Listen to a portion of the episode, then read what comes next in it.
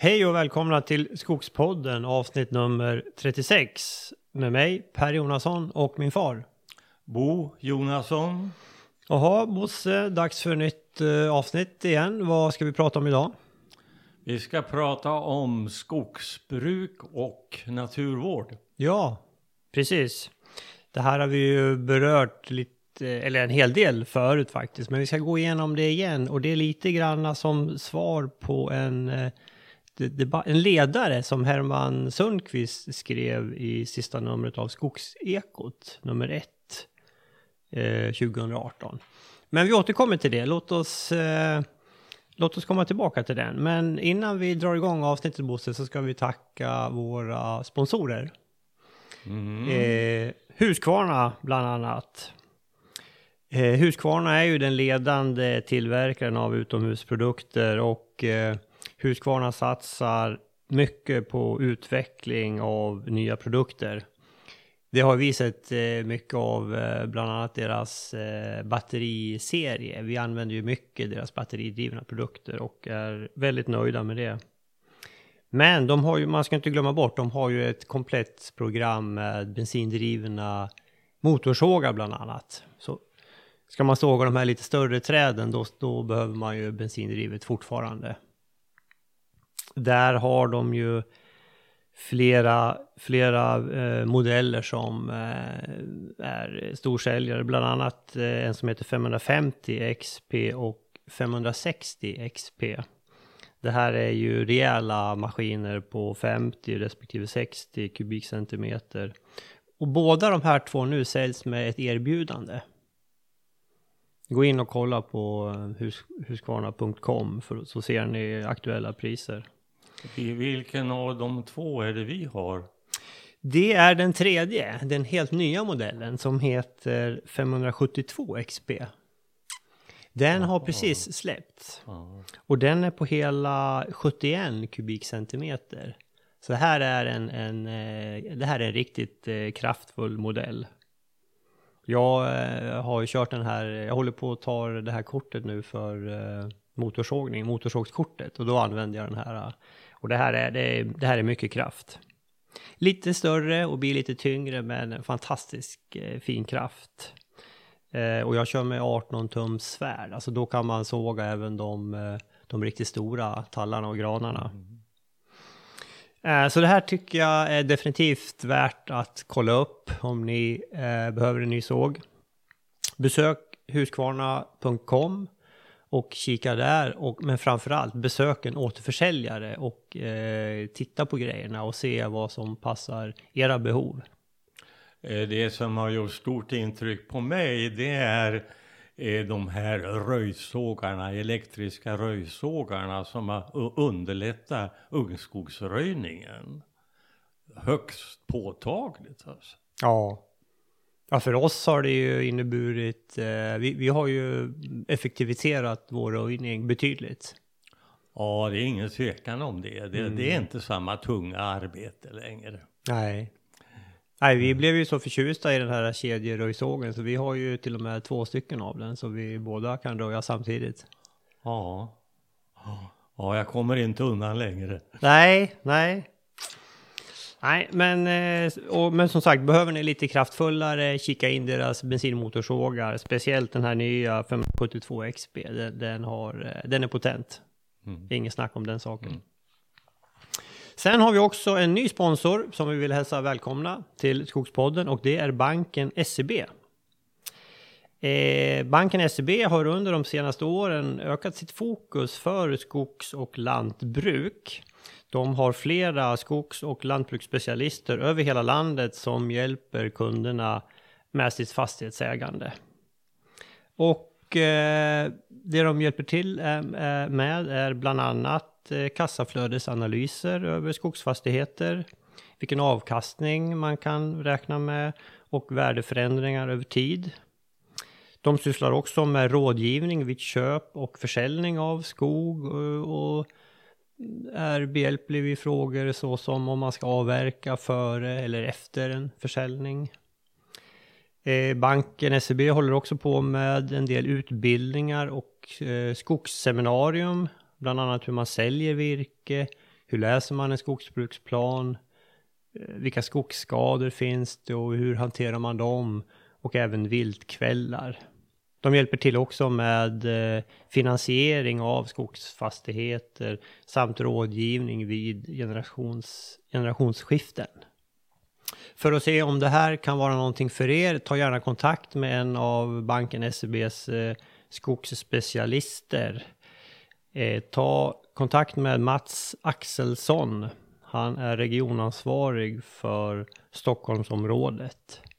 Han nås på Mats mats.axelsson1seb.se. Sen har vi också föreningen och tidningen Skogen som är vår samarbetspartner. Där eh, är det mycket spännande som händer nu i april. Vi har flaggat för det tidigare, men det är värt att påpeka igen. Den 16 april så är det årsmöte i föreningen Skogen och fullt av ett skogsmingel på, eh, och det här är på Münchenbryggeriet. Eh, på skogs, eh, skogsminglet så deltar man utan kostnad om man är medlem i föreningen Skogen. Där kan man träffa likasinnade.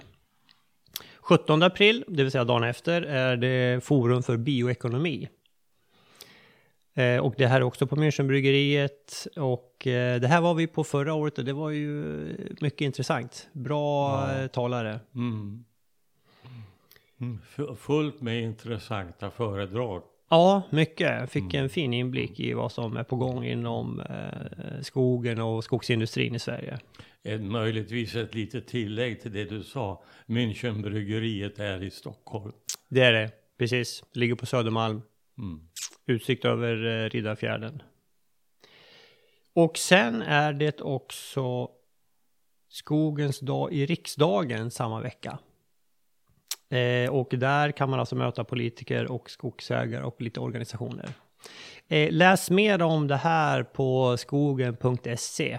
Och där kan man också anmäla sig till det här. Och jag tror på eh, Forum för bioekonomi, där har Föreningen Skogen ett antal fribiljetter. Det är först till kvarn där eh, om man är medlem i Föreningen Skogen. Det kan vi passa på att nämna Bosse. På eh, Forum för bioekonomi så delar ju kungen ut eh, det här eh, väldigt fina priset Guldkvisten också. Och i, i år eh, så är det ju så roligt att eh, Skogspodden, det vill säga du och jag, får det här priset Bosse, bland annat. Ja, det, det var en, eh, en överraskande positiv nyhet ja. för någon tid sedan. Ja. Nej, men det var ju jätteskojigt. Det är ju, vi får ju tacka styrelsen i eh, Föreningen Skogen eh, för det här och naturligtvis ska vi tacka alla våra lyssnare. Eh, det delas ju ut totalt fyra guldkvistar i år. Ja. Och det har väl hållit sig på den här nivån, tre, fyra stycken. Ja. Det är ju de andra som får priset, de, de driver det här eh, skogsmuseet uppe i Lycksele. Som jag inte har besökt, har du? Nej, nej. Nej, men det får vi ju ta och göra när vi är uppe i de krokarna. Ja. Ja. Ja, nej men eh, vi hoppas ju träffas. Eh, vi, hoppas ju, vi hoppas ju att vi får träffa många lyssnare på uh, Forum för bioekonomi den 17 april. Bra Bosse, det var det. Ska vi dra igång med dagens avsnitt? Mm. Mm. Och som inledare då, vi nämnde ju det, alltså Herman Sundqvist eh, har ju skrivit en ledare i eh, Skogseko då, nummer ett, det som kom nu nyligen här. Eh, och rubriken är Vem vågar lyfta förslagen som bryter dagens dödläge? Eh, han skriver här om att det är en ganska tuff eh, debatt, debattklimat mellan skogsbruket och miljörörelsen. Och han, han efterlyser väl att eh, det, det, måste finnas medelvägar. Eh, jag skulle vilja läsa upp ett litet stycke här som, som eh, jag, jag tycker är bra. Så, eh, nu citerar jag Herman här. Vilka företrädare för skogsägarrörelsen skulle i dagens debattklimat våga lyfta fram förslag om hur naturvården i skogen kan förbättras genom ett ökat ansvarstagande som innebär högre kostnader eller lägre intäkter för markägaren? Slutcitat. Och det vågar vi lyfta fram. Ja. Ja, eh, dagens avsnitt heter Skogsbruk och naturvård. Och det har ju lite grann varit vår springande punkt från början tycker jag. Det går att kombinera ett lönsamt skogsbruk som också har en, en god eh, naturhänsyn. Eh, Som vanligt så tänker vi på det privatägda skogsbruket. Det ägarskötta skogsbruket. Eh, vilket inte hindrar att en del av de här tankarna borde också vara tillämpliga i det storskaliga skogsbruket. Ja. Så är det. eh, och eh, vi, har, vi har ju intervjuat Herman i ett avsnitt som jag, eh, jag tycker det blev rätt bra. Om man, jag tror det var eh, avsnitt eh, 12 om jag inte missminner mig. Ja, det är det. Så där kan man höra mer om, eh, om eh, Hermans eh, åsikter och funderingar. Jag tror vi diskuterar lite grann just den här frågan också. Eh, det som vi säger idag, det är ju, det finns ju i delar av tidigare avsnitt. Vi hade ju ett om naturhänsyn. Vad heter det? Värdeskapande naturhänsyn. Just det, eh, avsnitt nummer 20.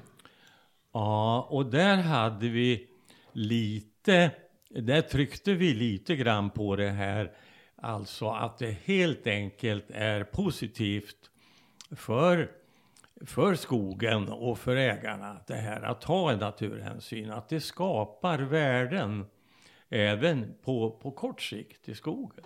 Mm. Och, och det kommer vi att prata om idag också. Mm. Mm. Nej men låt oss hoppa in i det här då och se om vi, eh, om vi eh, kan eh, lyfta fram förslag här då som förbättrar naturvården med, som kanske innebär lite mer arbete och, och då indirekt högre kostnad. Med förhoppningsvis högre intäkter. Absolut. Ja, vi är ju kvalitetsfokuserade. Ja. Ja.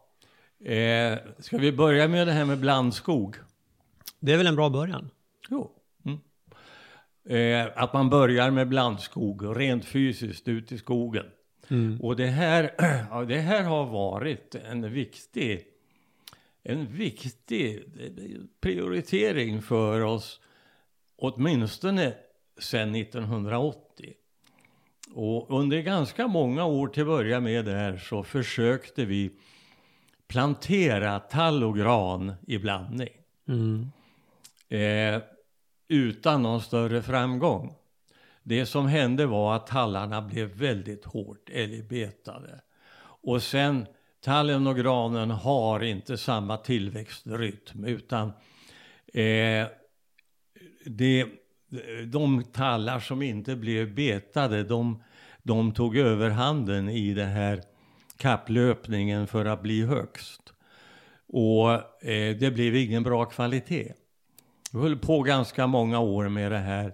Men från, från och med 1999 så har vi gjort på ett annat sätt. Vi planterar då täckrotgran.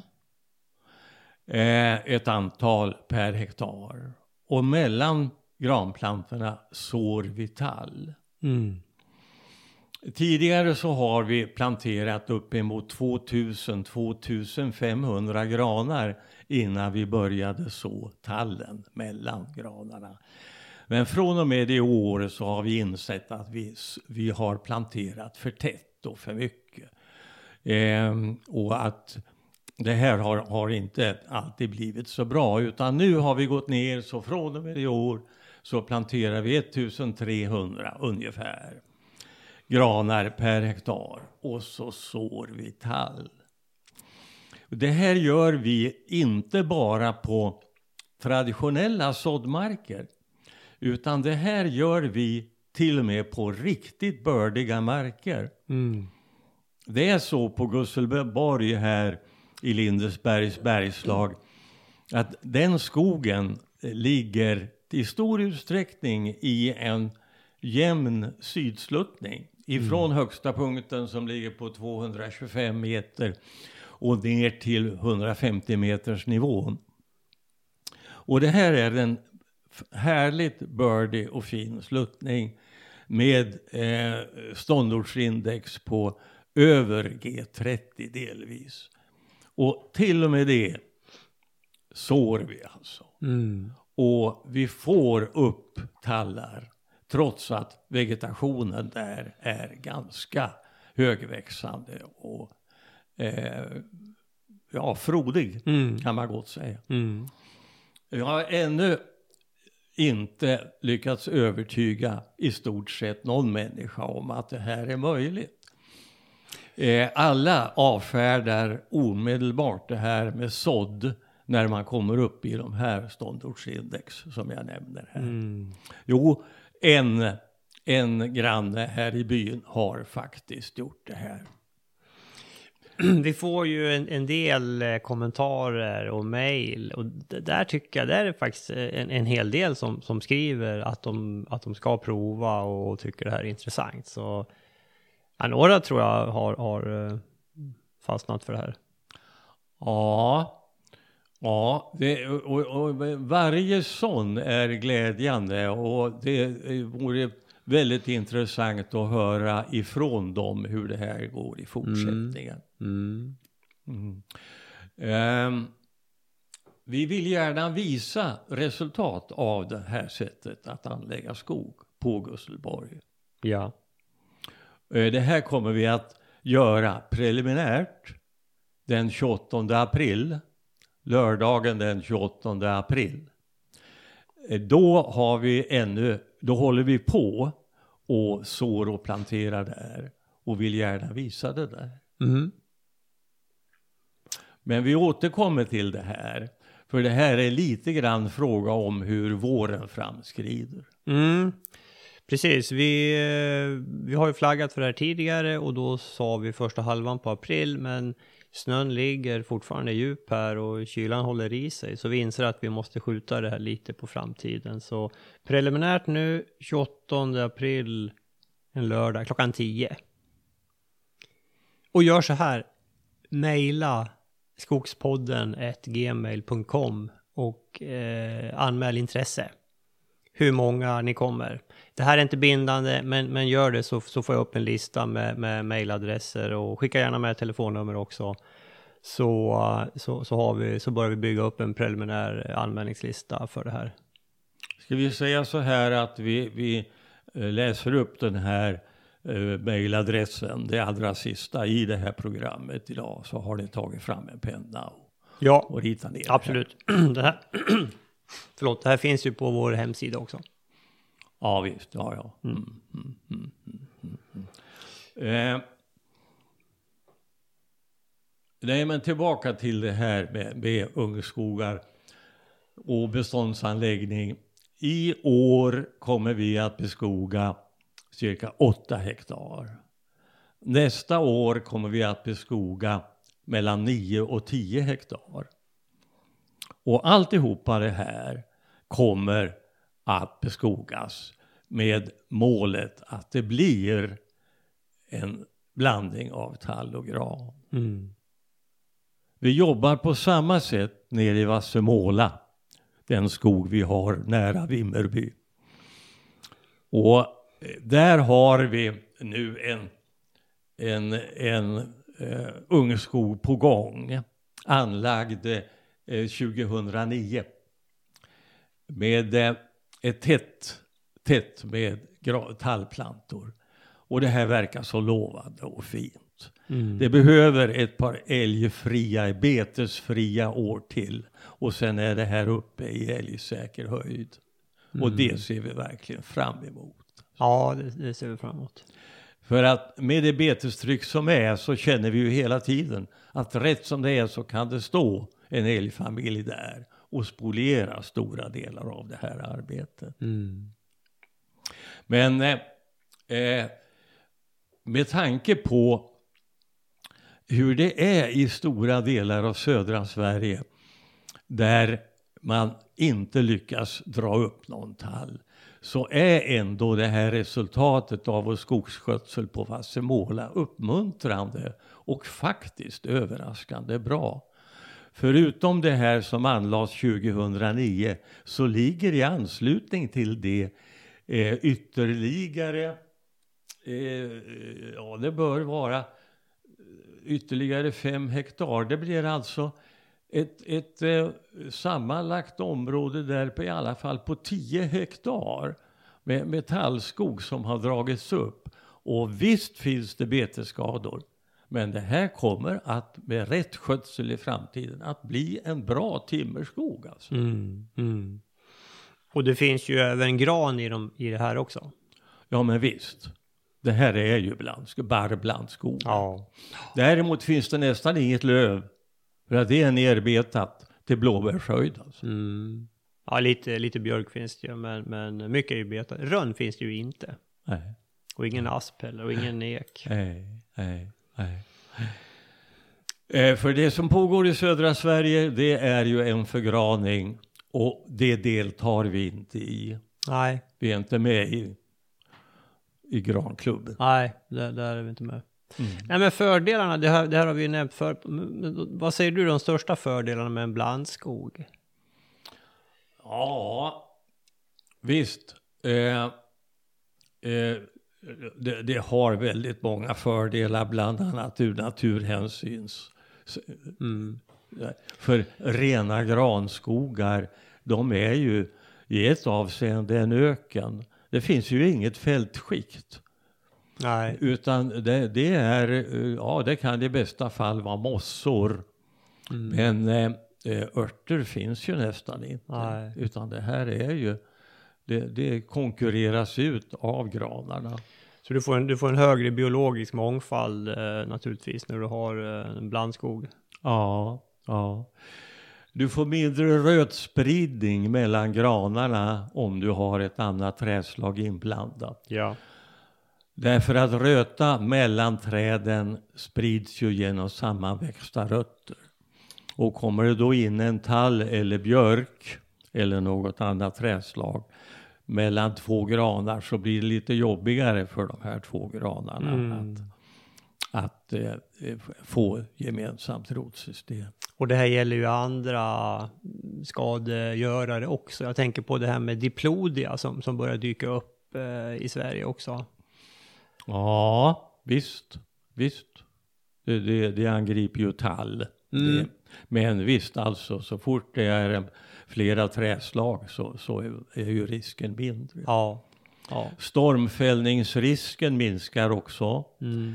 om eh, granskogarna blir armerade med, med andra träslag. Mm. Mm. Och sen marknadsmässigt. Det är, är ju så, alltså priserna på tall och gran varierar. Och eh, som skogsbrukare kan man ju när det gäller avverkningen välja det träslag som, för, som just det året är bäst betalt. Ja. Hela sågverksindustrin tror jag mår bra av att det kommer att finnas ett utbud av två träslag. Mm. Och vill man ha tryckimpregnerat virke så duger inte gran. Därför att gran går inte att tryckimpregnera. Mm. Nej. Nej, men sen alltså hela, hela miljön i skogen eh, blir ju kolossalt mycket bättre i en barrblandskog. Varje tall som står inne i granskogen blir ju som ett ljusschakt. Ja. Så att det, det finns så många fördelar. Mm. Man, man kan inte tänka sig södra Sverige med, med gran ifrån kusten i väster till kusten i öster. Alltså. Nej. Nej. Nej. Och Men- nack, nackdelen då Bosse, det, det, det kräver lite, lite mer arbete kanske. Det är klart att det gör. Och bättre planering. Mm. Mm. Mm. Men det kan betyda högre intäkter. Ja. Mm. Ja. Särskilt om man eh, riktar in produktionen på, på kvalitetstall. Ja. För det kommer det att finnas efterfrågan på. Mm. Jag kan inte tänka mig annat. Alltså. Nej. Nej. Nej, det tror jag också. Mm. Har, vi, har du något mer? Eh, ja, inte beträffande just den här. Nej, men eh, nästa. Ja, ja, ja. Eh, eh, när det gäller överhuvudtaget sådd, sådd. Inte bara i kombination med, med eh, eh, granplantering. Utan vi har ju de här rena tallmarkerna också. Och eh, där ska man anlägga tallskog där. Ja, för våran del, det kommer inte i fråga att plantera tall. Utan vill vi ha gran, vill vi ha tall, då sår vi det. Alltså. Ja. Eh, och Eh, jag har framför mig här en karta. Eh, det är i huvudsak de, det är de beståndsanläggningar som är gjorda efter år 2000. Eller från och med 2000. Och där har vi 20 hektar som är rentallsådd. Och eh, av dem så är det en som inte har, som har inneburit en besvikelse ur kvalitetssynpunkt. Det övriga ser väldigt bra ut alltså. Så det är 18 hektar av de sådda 20 hektaren kommer att ge väldigt fina tallskogar. Och det här är inte fritt ifrån betning. Nej. Långt därifrån. Men antalet plantor är så stort så att det tål betning. Mm. Ja, precis. Man, man ska ju upp en 10 000 per hektar ungefär. Då, då tål det ju, då tål det en del betning. Det gör det. Mm. Men Bosse, du sa 18 hektar. Alltså, räknar du med, med blandskogen där så är det ju ja, uppemot... är det eh, blandskogen då är det ju mycket mera. Ja, det, den siffran är väl lite mer, den är ju mer relevant eftersom där är ju tallen är ju sådd där också. Mm. Så vi kanske pratar 70-80 hektar.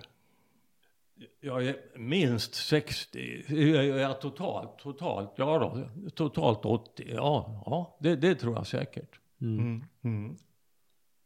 Det tror jag. Eh, vi kan gå djupare i det här. Men, Ja, det, lät så, det lät så lite när du sa 20 hektar bara. ja, Eh, men det, det är sådderna, det är, och fast de här andra är ju också sådda. ja, ja, riktigt, men rena sådder på tallmark alltså. Mm.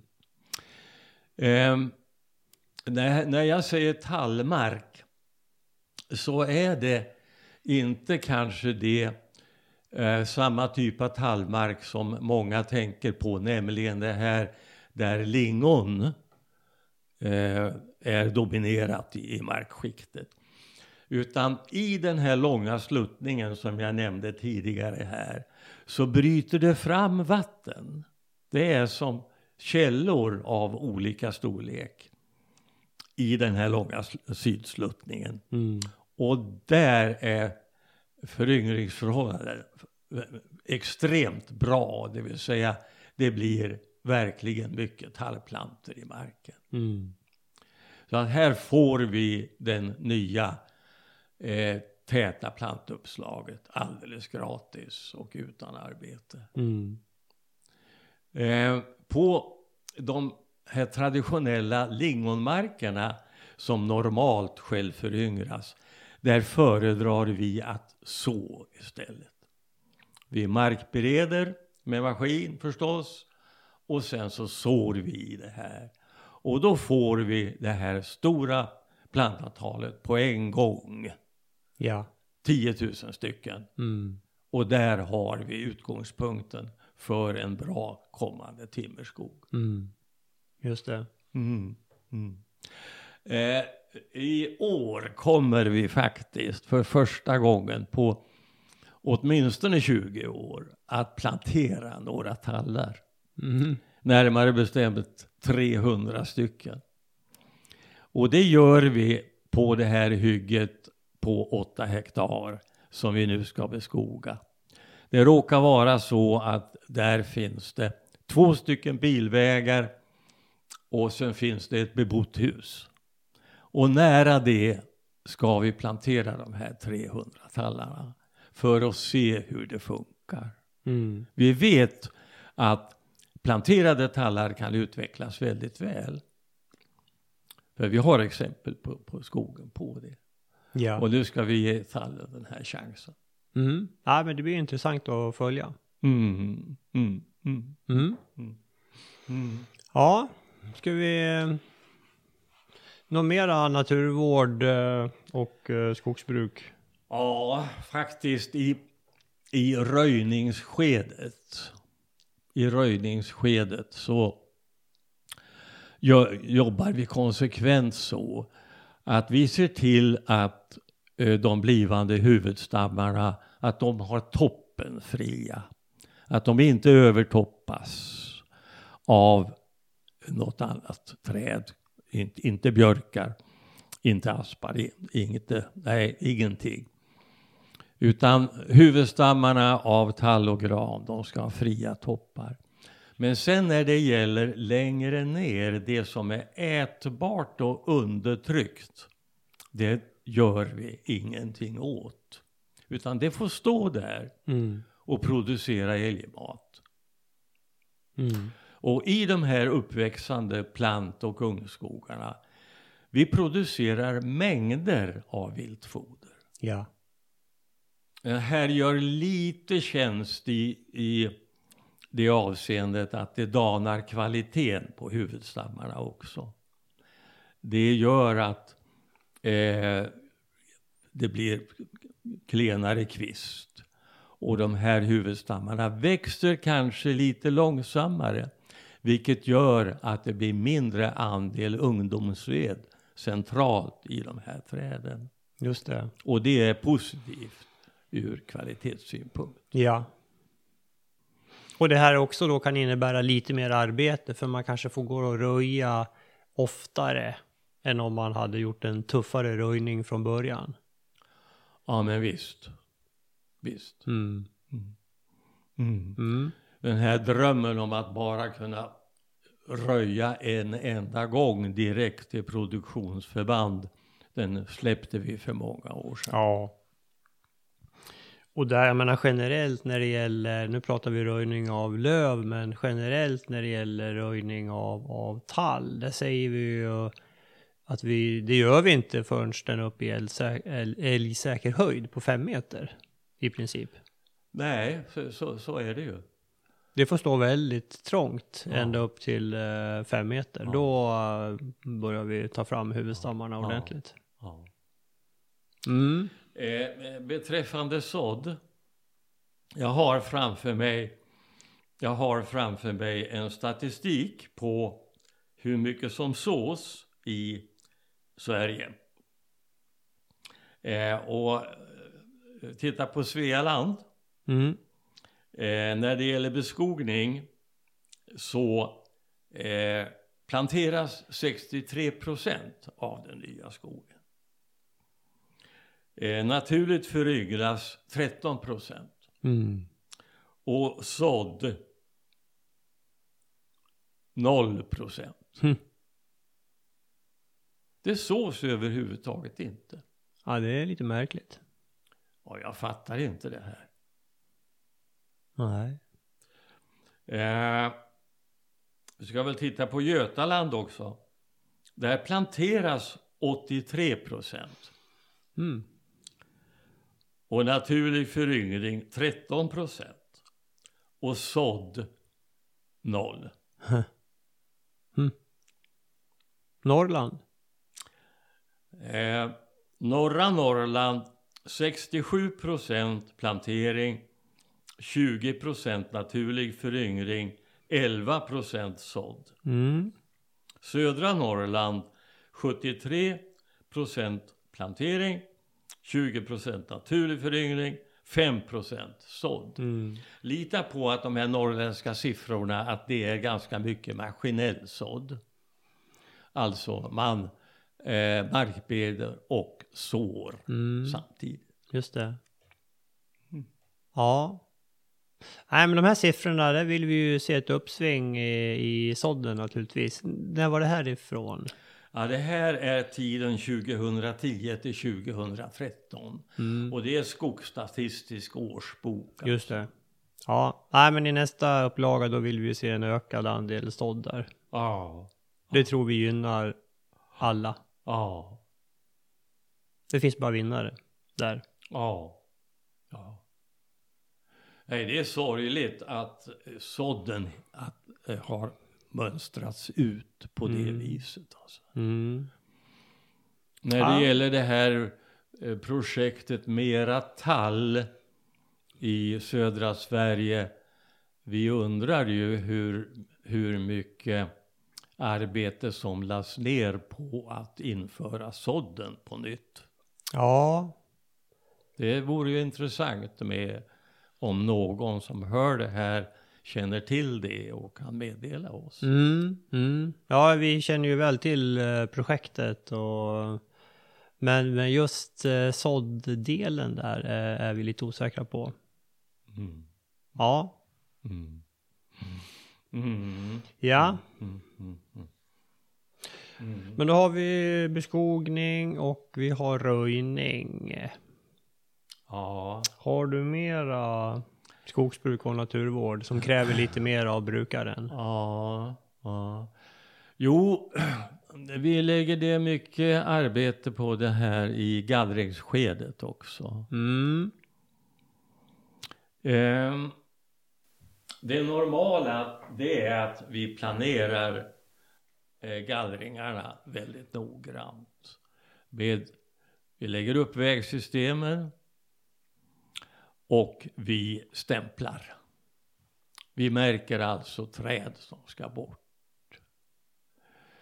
Eh, det är möjligt att, att vi inte kommer att fortsätta med det här. För att Samtidigt som vi säger det här så vi håller på att, att utveckla skötseln. Vi kommer att prova oss fram lite grann med att välja ut huvudstammar tidigt i röjningarna och sen i den fortsatta skötseln då gynna de stammarna. mm, Eh, det här gör vi då alltså när, tallsk- när eh, ungskogen är fem meter hög och då är över älgbeteshöjden. mm, Och att då välja ut huvudstammar som sen får vara det som ska producera volym och värde i de skogarna i Mm. framtiden.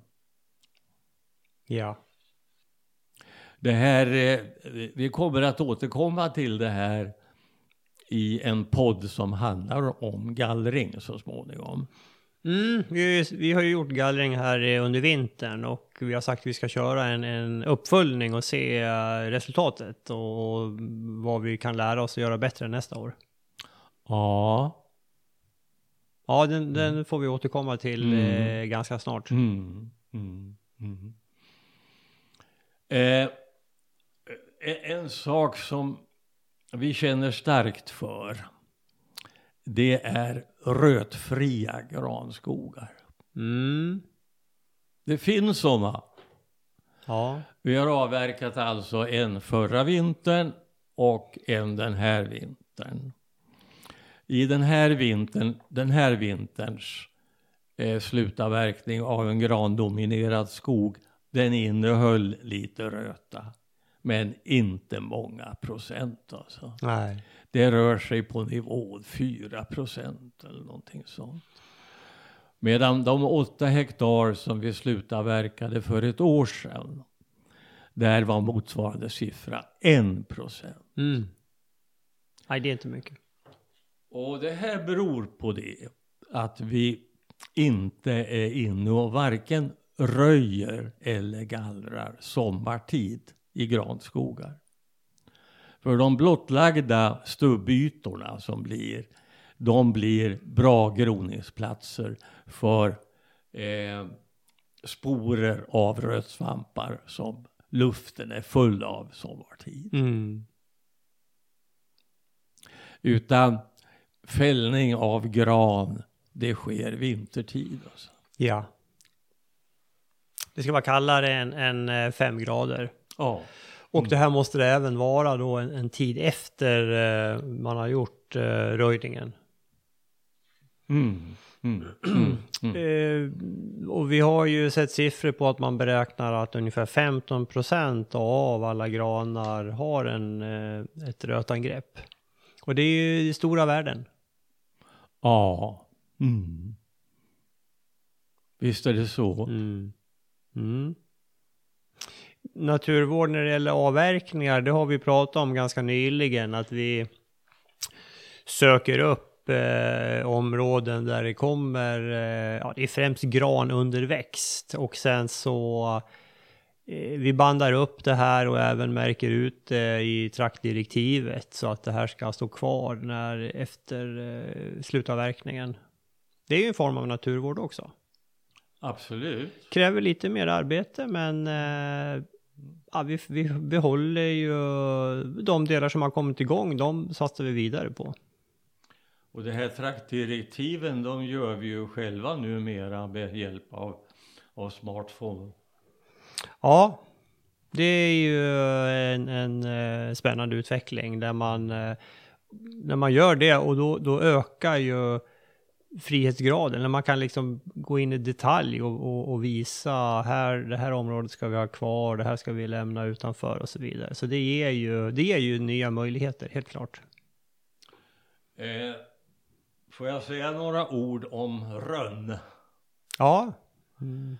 Eh, vi hade ett centralt område i skogen som var, ja det var tidigare hade det gått djur på skogen där. Det, det, var, det hade skogsbetats eh, fram till 1940-talet.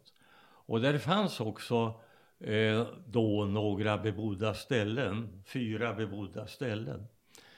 Eh, det här blev så småningom en gles och grov granskog med ganska mycket luckor i. Och i de här luckorna så etablerade sig rönn. Mm. Det, sen slutavverkade vi det här i omgångar för eh, cirka 15 år sedan. Och eh, då blev det de här rönnarna kvar. Vi märkte på dem. Och skördarförarna visste om det där att de där skulle skodas. Mm. Så att de blev kvar och det blev väldigt mycket rönnplantor på marken efter det här. Mm. Där har vi nu en del av skogen där det verkligen finns rönn. Mm. Vi har till och med ett litet parti som vi har sparat som en rönnskog. Och det här är väldigt, väldigt värdefullt. För här produceras ju älgens favoritföda. Mm. Och, eh, men det gäller ingalunda hela skogen. Utan det är en, en central del. Ja. På totalt kanske är den ja, 20-30 hektar. Ja. Ja. Ja, det är ju skillnad mot uh, vår skog i Småland. Uh, jag tror vi har en stor rund där. Ja. Eller som ett, som ett träd. Ja, ja. Ja, nej, det, det. Rönnen är nästan borta. Alltså. Ja. Ja. Mm. Ja, nej men. Eh, eh, det, det finns mycket mer att säga. Jag har läst på ett par ställen här på senaste tiden om ett nytt begrepp ifrån miljöhåll. Det kallas för grön infrastruktur. Och det här är en planering på landskapsnivå. Eh, och jag har kanske inte riktigt förstått allting men jag tror att det är så här att man inventerar typer av skog som människorna trivs i. Mm. Så att det kan bli ytterligare en belastning på skogsägarna att spara sånt som ja, stadsbor och landsbygdsbor tycker om att promenera i. Mm. Just det, och där eh, det visar sig att en favoritskog är ju en, en, eh, en, en timmerställning, alltså en, en eh, högstammig eh, skött eh, tallskog. Ja, jag tror nog att de kan acceptera blandskog också och Mm. kanske till och med granskog. Men den ska alltså vara gallrad i, i sen tid. Ja. Så att man kan liksom ta sig fram på ett, eh, ta sig fram på ett bra sätt och även eh, att man ser. Ja. Mm. Ja. ja. Nej, så fort det kommer upp nya sådana här saker så, så, så ser jag i andan om hur det här är sånt som kommer att påverka skogsbruket. ja. Jo men det, så är det ju. Visst. För att för, för mig så framstår det så klart att en mycket, mycket viktig miljöfunktion som skogen har, det är ju att binda koldioxid. Mm. Det är ju kolossalt, kolossalt intressant detta att skapa nyttigheter av ett skadligt överskott. Det skadliga överskottet är koldioxid i atmosfären. Mm. Och av det så skapar vi trä som vi kan bygga hus av och som i den funktionen ersätter energislukande betong och stål. Ja. Fram, framförallt den här uh, när vi ersätter uh, fossilt material är ju en sån riktigt stor vinst. Enorm vinst. Alltså. Mm. Och jag tycker att man ska ha i åtanke att allting som minskar uh, skogens uh, nettoproduktion av trä, allting sånt är negativt för miljön.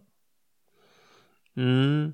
Det har en negativ sida om jag säger det. Mm. Mm. Mm. Som man gott kan väga in i sina överväganden. Mm. Ja men så absolut. Det ska, det ska man ha i åtanke. Mm. Ja, nej men eh, Bosse, jag hoppas att vi lyckades lyfta fram en del förslag här som eh, kan förbättra naturvården i skogen genom ett ökat ansvarstagande och eh, lite mer arbete. Just det här som Herman efterlyser i sin ledare. Tyck, tyck, fick, fick vi med det, tycker du? Ja, jag tycker det. Man kan väl säga också att eh, det enskilda skogsbruket, det bästa sättet att värna den äganderätten, Mm. det är att sköta den här fantastiska resursen vi har, Ja. skogen, Ja. på ett bra sätt. Ja. Och att inte hela tiden snegla på det storskaliga skogsbruket gör och ta efter dem. Nej. Utan utveckla den här speciella eh, fördelen som ett privatägt ägarskött skogsbruk utgör. Alltså. Ja. Ja. Nej men det är väl en bra eh, slutsats. Jag menar absolut, så länge, så länge vi gör det här på ett bra sätt, så länge vi jobbar med naturvården och förbättrar den, så kommer vi ju att kunna fortsätta bruka våra skogar. Ja. Mm. Och vi har, vi har ett välskött skogsbruk. Det har vi. Vi, har vi är ju i kontakt med många skogsbrukare, både här och även i Småland, eh, via vårt, vårt arbete och via podden. Och det, är, det finns ju väldigt många som, har, som är mycket kunniga, har stort intresse och verkligen bryr sig om miljön och skogen och ett, ett härligt eh, odlarintresse, en odlarglädje. Som är, det är fantastiskt kul att se och det här är ju Träffar man inte folk som håller på med det, då märker man ju naturligtvis inte av det. Men det, vi träffar ju de här eldsjälarna. Mm. Och vi är ju alla, vi är ju företagare också. Mm. Mm. Mm. Ja. Ja. Bra, eh, ska vi börja runda av där Bosse? Vi, några saker vi ska säga innan vi slutar. Vi påminner om vår preliminära sådd eh, lördag den 28 april klockan 10. Det här kommer att bli i Gusselby. Vi kommer ut med närmare instruktioner exakt var. Men mejla gärna mig på skogspodden gmail.com eh, hur många ni blir och kontaktuppgifter. Så, så, så sätter jag ihop en, en deltagarlista. Så får vi återkomma i nästa podd och även på hemsidan med eh, mera detaljer kring det här. Innan vi slutar ska vi också tacka våra sponsorer. Husqvarna, eh, den ledande tillverkaren av utomhusprodukter. Gå in och kolla på husqvarna.com och eh, framförallt besök en återförsäljare. Kika in deras eh, motorsågar, speciellt den nya 572 XP ett kraftpaket där du kan sova, såga den riktigt eh, grova skogen. Och det finns andra alternativ. Eh, kika in och se om det kan vara något för dig. Vi ska också tacka banken SEB. De eh, ökar sitt fokus på skog och lantbruk. De har flera specialister inom det här över hela landet som hjälper kunderna med sitt fastighetsägande. Ta gärna kontakt med Mats Axelsson seb.se om du vill veta mer och se om det här kan vara något för dig. Tack också till vår samarbetspartner Föreningen Skogen och tidningen Skogen som under april har ett antal aktiviteter. Bland annat Bioekonomiskt forum tisdag den 17 april. Gå in på skogen.se så får ni läsa mer om detta. Se om det kan vara något för er. Det var det hela Bosse. Då har du några avslutande kloka ord? Eh, nej, det har jag inte. Men eh, jag tittar ut genom fönstret i Bergslagen och det är en strålande vårvinterdag ute. Mm. Sådana här dagar har jag ofta utnyttjat till att gå omkring i ungskogar på skidor eller på snöskor.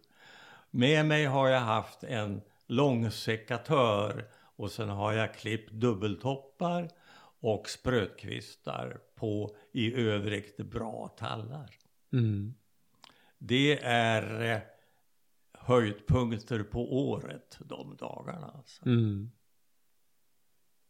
Dessutom, skogen är som en öppen bok. Man ser vad som har hänt under vintern.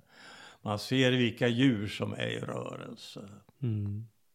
Ja, man ser ju plantorna som kommer upp väldigt tydligt också när man, när man har den här vita snön som bakgrund. Mm. Mm. Ja men bra, det, det, de orden får sätta punkt på dagens podd så hörs vi igen om eh, tre veckor. Tack så mycket för oss. Tack för idag.